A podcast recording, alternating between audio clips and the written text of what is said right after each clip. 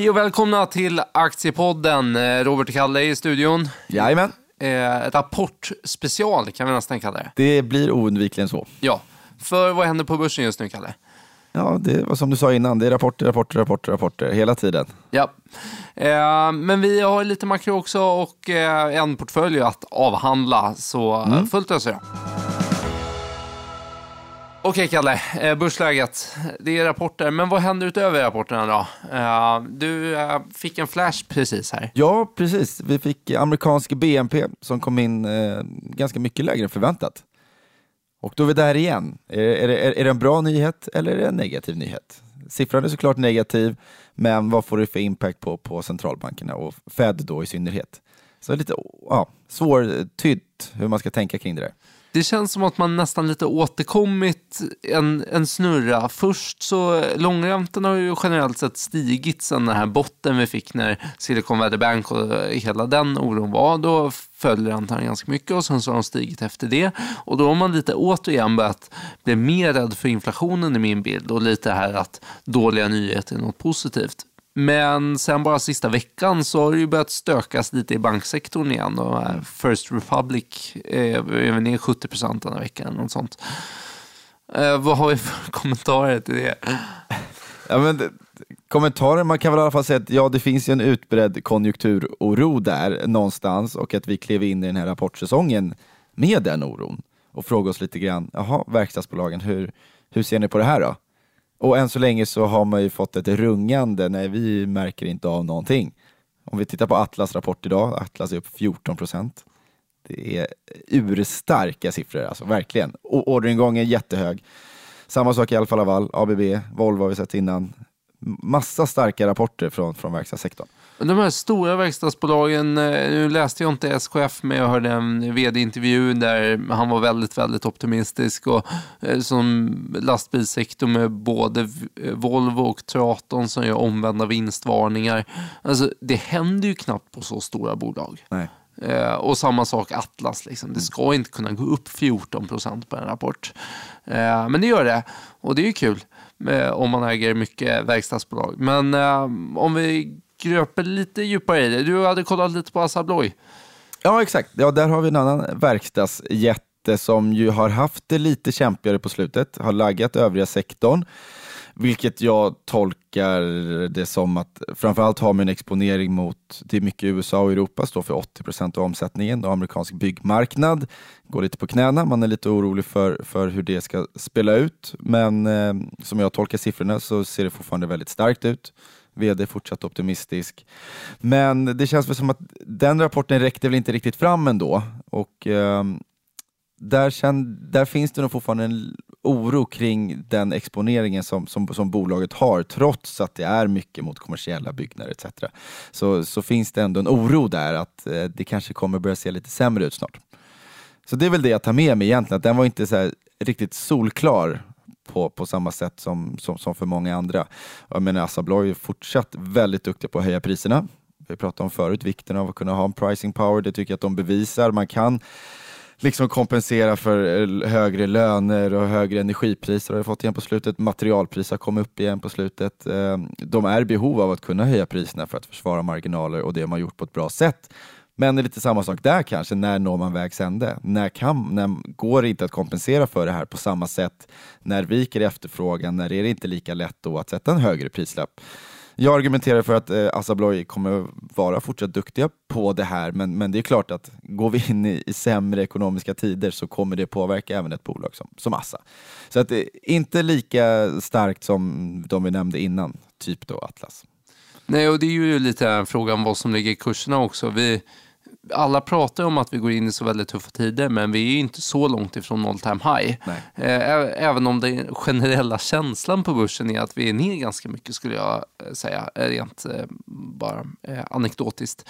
Mm. Men en annan rapport som jag kikade lite närmare på var ju Handelsbanken. Just det. Och där kände jag verkligen att wow, det här är en kanonrapport. Handelsbanken envisas med att komma med rapport jättetidigt på morgonen och eh, jag skulle skriva lite om den så jag skulle komma ut fort. Så eh, gick upp där, läste rapporten 06.30 eh, och läste väl den i en halvtimme och började skriva lite och så publicerade väl detta här vid halv åtta med eh, liksom, citatet att eh, det här borde stiga i 5-6 procent i alla fall. Eh, så. Och, och egentligen så står jag väl kvar vid det. Ja. För rapporten säger räntenettot ökade såklart, vilket var förväntat, men det överraskade också ganska mycket på uppsidan. Står nu för 77 procent av omsättningen läste jag. Okay. Det är ja. inte lite. Nej, men Handelsbanken är ju just väldigt räntenettotunga, vilket ja. är det vi gillar eh, i banken. Men, men i alla fall, så vi, vi hade väl lite förväntat oss, vi hade lite högre förväntan på räntenettot och där fick vi rätt.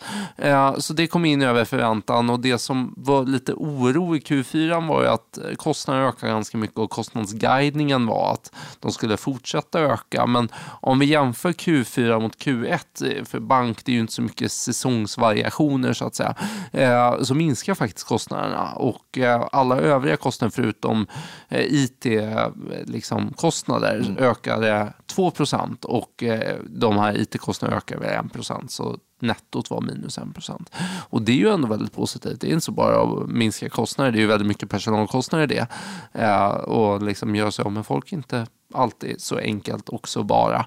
Men var det att marknaden inte valde att titta på kvartals fokus, utan var det på årsbasis? Eller? Jag tyckte ändå att flasherna var att kostnaderna ökar och att det var en, en förklaring till att aktien föll.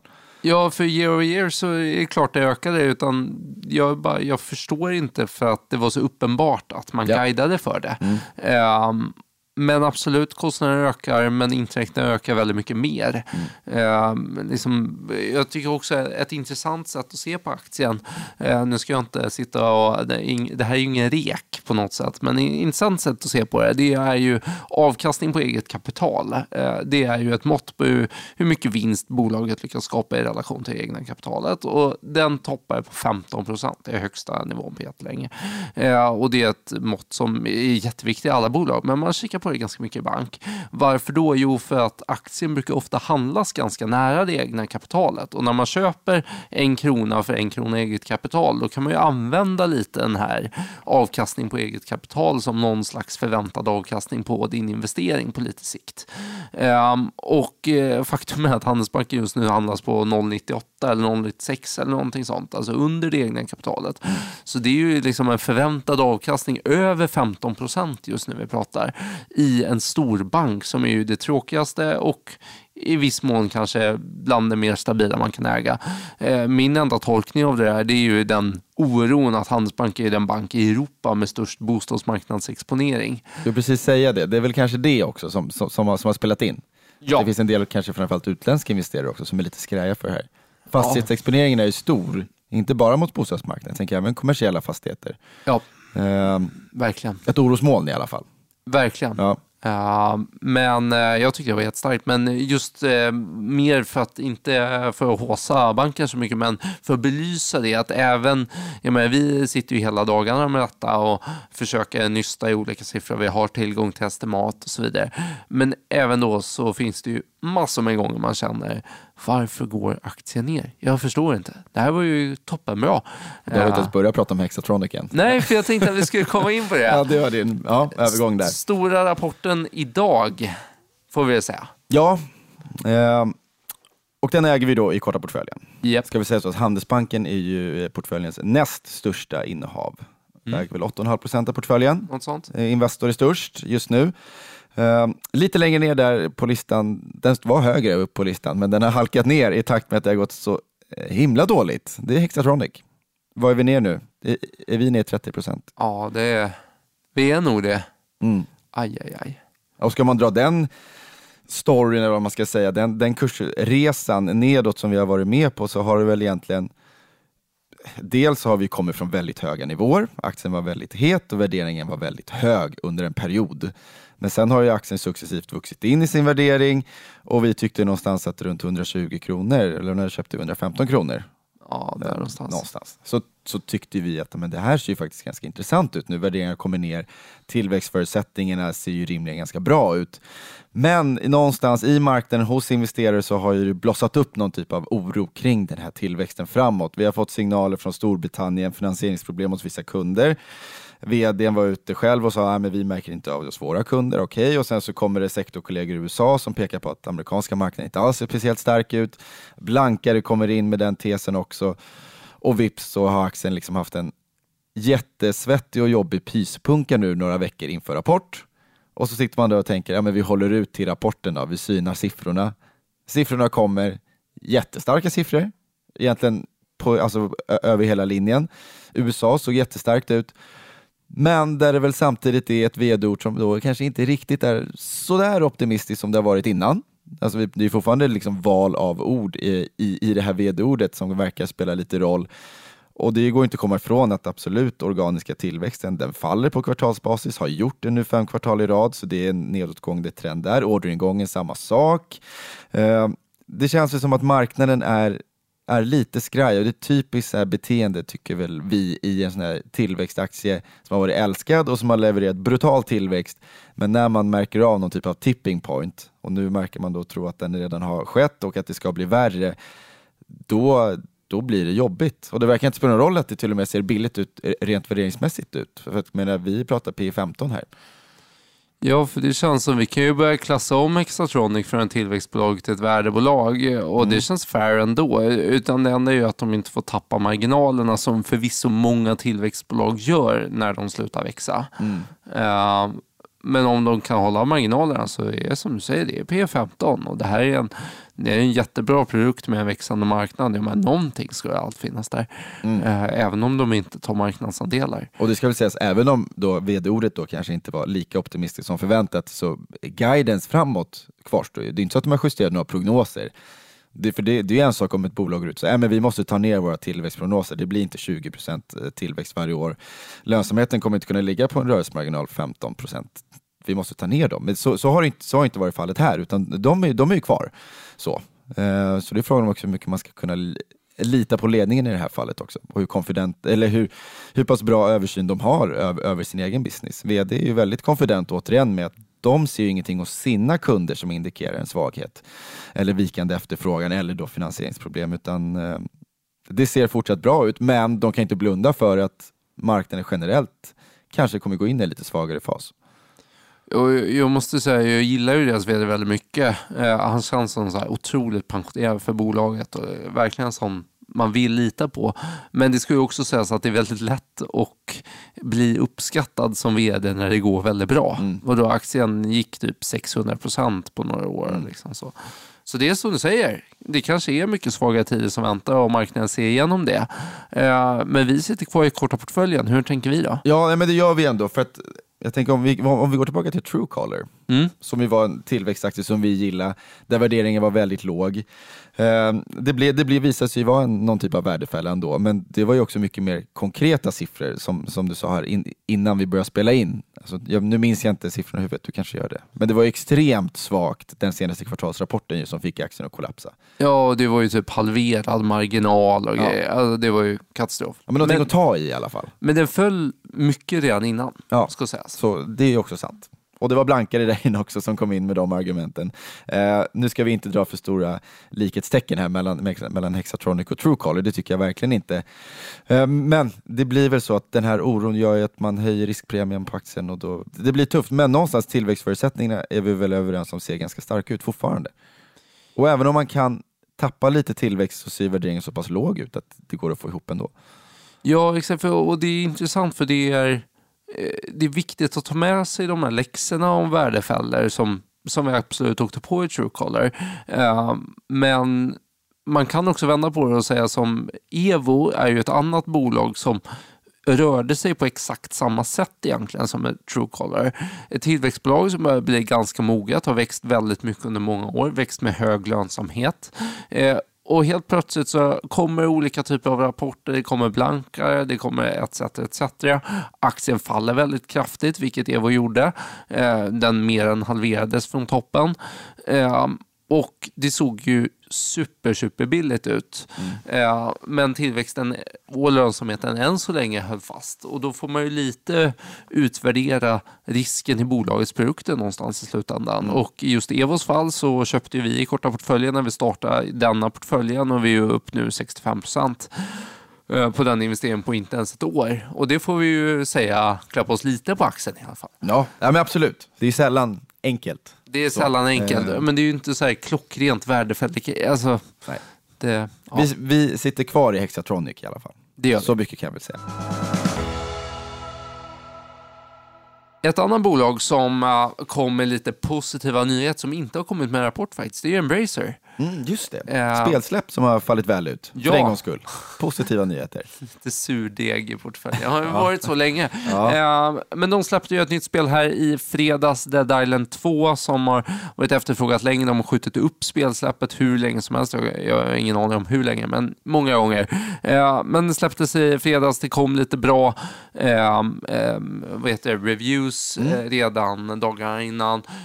De meddelade i måndags morse att de hade sålt Eh, en miljon upplagor.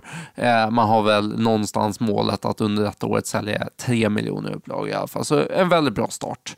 Eh, och spelet ska redan nu vara lönsamt. Så att, skönt, lite medgång för Embracer. Vi äger ju Embracer, det är många småsparare som äger Embracer, det är många fonder som äger Embracer och det känns som att alla riktkurser är på minst 80 spänn och aktien kostar 50 spänn. Och Då blir man ju ändå lite ner- nervig, men ehm, bra vecka i Embracer. Eh, Ett annat småspararbolag måste jag också, nu babblar jag rapporter här, men det har Ja. kommit så sjukt många. Eh, Evolution ehm, kom idag, eh, torsdag. Och eh, Evolution var ju verkligen så här standardrapport. Eh, det finns inte jättemycket att säga om det. Både omsättning och, och vinst kom in lite över förväntan, eller lite över analytikernas prognoser. Men på Evo finns det ju massa så här eh, som folk har gjort på nätet, Evo-trackers, att man kan följa hur många som spelar Evos spel. Eh, och då kan man utifrån det lite räkna ut om hur det borde se ut ungefär. Och, så att det fanns ju en ganska tydlig förväntansbild i marknaden. Marginalen var eh, e- i det här spannet 69 till 71 procent eh, ebitda-marginal har den guidat för. Den kom in på 69,9 procent, vilket för övrigt är en helt galen marginal. Det är ju alltid så det 69,9 räknas. procent. Ja, mm. Eh, men, ja, men det såg bra ut. Aktien ner någon procent, men, men inget större så. Har gått väldigt, väldigt starkt på slutet. Ja. Ska ju tilläggas. New Wave också. Pang, Ja. Pangrapport. wow, Torsten kul. var plötsligt inte så negativ längre. Nice. Det kändes som att det var det man tog med sig. Eftersom vi, det var ju det som fick förra rapporten på fall och fick ju aktien att gå från också, den ballade väl ur lite på uppsidan när det var som hetast. Men den gick ändå från 240 till 170 primärt drivet av ett vd-ord som var mer försiktigt när han pratade om att eh, lite svagare slutmarknad, kommer nog, det är nog toppmarginaler etc. Och nu såg vi in, eh, vi såg inte röken av det nu i alla fall. Nej, för precis som han sa så marginalerna följer lite grann, inte något dramatiskt men lite grann, men omsättningen 20% upp. Mm. Och det är, ju liksom, det är ju inte lätta komps han Nej. har. Eh, Det har gått superbra. Jag förstår inte hur man kan växa 20% när man är så stor. Alltså det, det är otroligt starkt måste jag säga. Superimponerande. Han höll fram Crafts löparskor bland annat som Jaha. en del till tillväxten. Han har köpt ett par Craft löparskor. Nej, nej det har jag inte. Det kommer inte jag göra heller. Nej. Eh, Men vi äger aktien så att vi får ta del av uppsidan. Ja, men det var ju skönt, för vi var ju lite, vi var ju lite heta på gröten där i den här nedgången. Så man får lov att säga att vi var i Hexatronic också då. Men, men två aktier som vi ändå, så här, man har hållit lite koll på dem för man gillar dem någonstans fundamentalt. Kändes dyrt, kändes som att de gått för bra. Så kom de ner, så försöker man tajma det där och eh, det visar sig att tajmingen inte föll väl ut i någon av dem, men att vi nu åtminstone är eh, med några procent upp ändå, plus minus noll. Ja, men vi är några procent. Vi, några hundra procent plus kanske Ja. Mm. jag tror det. Så det är skönt. Men du, vi har gjort lite affärer också på slutet. Ja. Vi har tagit in en gammal aktie som heter Seafire, Havselden. Havselden. Kul. Eh, ja, men det är eh, härligt. Eh, rapport här i veckan. Sta- stark rapport. Eh, 14% organisk tillväxt och jag tror det var 60% total tillväxt. Det här är ju en serieförvärvare, så fokusera på organisk tillväxt.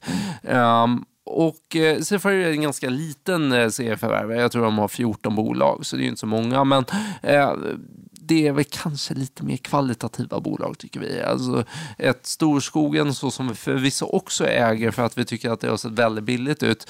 Eh, de har ju helt andra typer av mål. Där är det ju en organisk tillväxt som, jag tror deras finansiella mål säger 2% över real BNP eller någonting sånt. Ehm, och Inte så mycket med andra ord. inte så mycket, medan Seafire säger minst 10% organisk tillväxt. Och det är ju väldigt mycket. Eh, så de köper helt olika typer av bolag och Seafire måste ju såklart fokusera bolagen lite mer. För om du köper alldeles för många så kommer du inte få 10% organisk tillväxt per år. Eh, men det levererar de hittills. Eh, och sen så, precis som tidigare aviserat och redan, de gjorde en preliminär avisering i december och sen så kom de med en definitiv avisering i mars. Eh, så eh, ändrar de sina finansieringsvillkor ganska brutalt och det är det som har varit nyckeln i den här aktien. Går du in och kollar ett ev-ebit på Seafire så ser det jättebilligt ut och det är ju kanonbra. Problemet är att hela det här ebit, alltså rörelseresultatet, försvinner i i som är interests, alltså räntor. Eh, för de har haft tokdyr finansiering, typ 12% ränta. Och det har käkat upp hela resultatet och så har ingenting blivit kvar till aktieägarna. Men nu så gör de så att de återbetalar obligationen eller förtidsinlösen av obligationen. Eh, för det blir, får de en liten straffavgift kan man kalla det. Eh, och hela den bokför de i Q1 så de gör förlust i Q1. Eh, men sen det som väntar nu framöver det är att de har en bankfinansiering istället hos eh, Danske Bank eh, och dessutom en lite mindre finansiering, inte jättemycket men lite. Eh, och det gör att eh, man ungefär halverar sina räntekostnader vilket gör att resultatet för aktieägarna går från minus till kanske 40 miljoner i alla fall plus. Eh, vilket ju är en jättestor skillnad. Eh, och vi tror att de här underliggande bolagen går ju bra så att man hade ju kommit till lönsamheten förr eller senare ändå men det gör ju extremt mycket att man halverar räntekostnaden som just nu käkar upp allting. Och det här var ju förvisso känt. Eh, det var ingen hemlighet eh, nu vid rapporten att det här kommer men jag tror ändå att marknaden är lite så att eh, än så länge Q1 det var ju en förlust. Nu gick aktien efter det men har varit ganska nedtryckt inför. Men nu det som väntar Q2 och framåt så väntar ju om inget annat konstigt händer ganska fina vinstkvartal och just när en aktie går från olönsam till lönsam så borde kunna ge lite på uppsidan. Och det känns som en attraktiv värdering eh, så att eh, vi kunde inte låta bli. Kul! Så 5% Av portföljen? ja, Mm. har vi köpt. Ja. Nu hoppas vi på en fin kursresa. Annars eh, säljer vi. nej, nej, jag skojar. Eller nej, det gjorde jag inte. Men Ja, ja, vi får väl se. Vi håller oss fortfarande mm, vad är det, 4 över index i alla fall. ja, Eh, tappar lite på slutet. ja, idag är en tung dag när idag. index rusar när Atlas Copco kommer med så fin rapport. Just det. Och vi satt på 10 kassa inför den här dagen. Ja, Nu är den lite mindre. nu är den lite mindre. Nu är den lite mindre.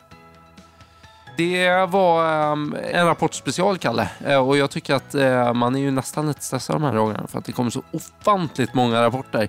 Eh, så vi ska gå tillbaka och kötta vidare i rapportdjungeln. Ja, bara för det. Vi fick en flash nu, Trelleborg helt plötsligt. Apropå att verkstadssektorn var så bra. Nu kommer en dålig rapport nu. Sänker guidance. Mm, spännande. aj, aj. Så det måste vi läsa på. Mycket att göra. Ja, verkligen. Men eh, ni följer eh, det allt vi skriver på aktiespararen.se precis som vanligt och sen så eh, hörs vi i denna podden igen om två veckor. Det gör vi. Tack för oss.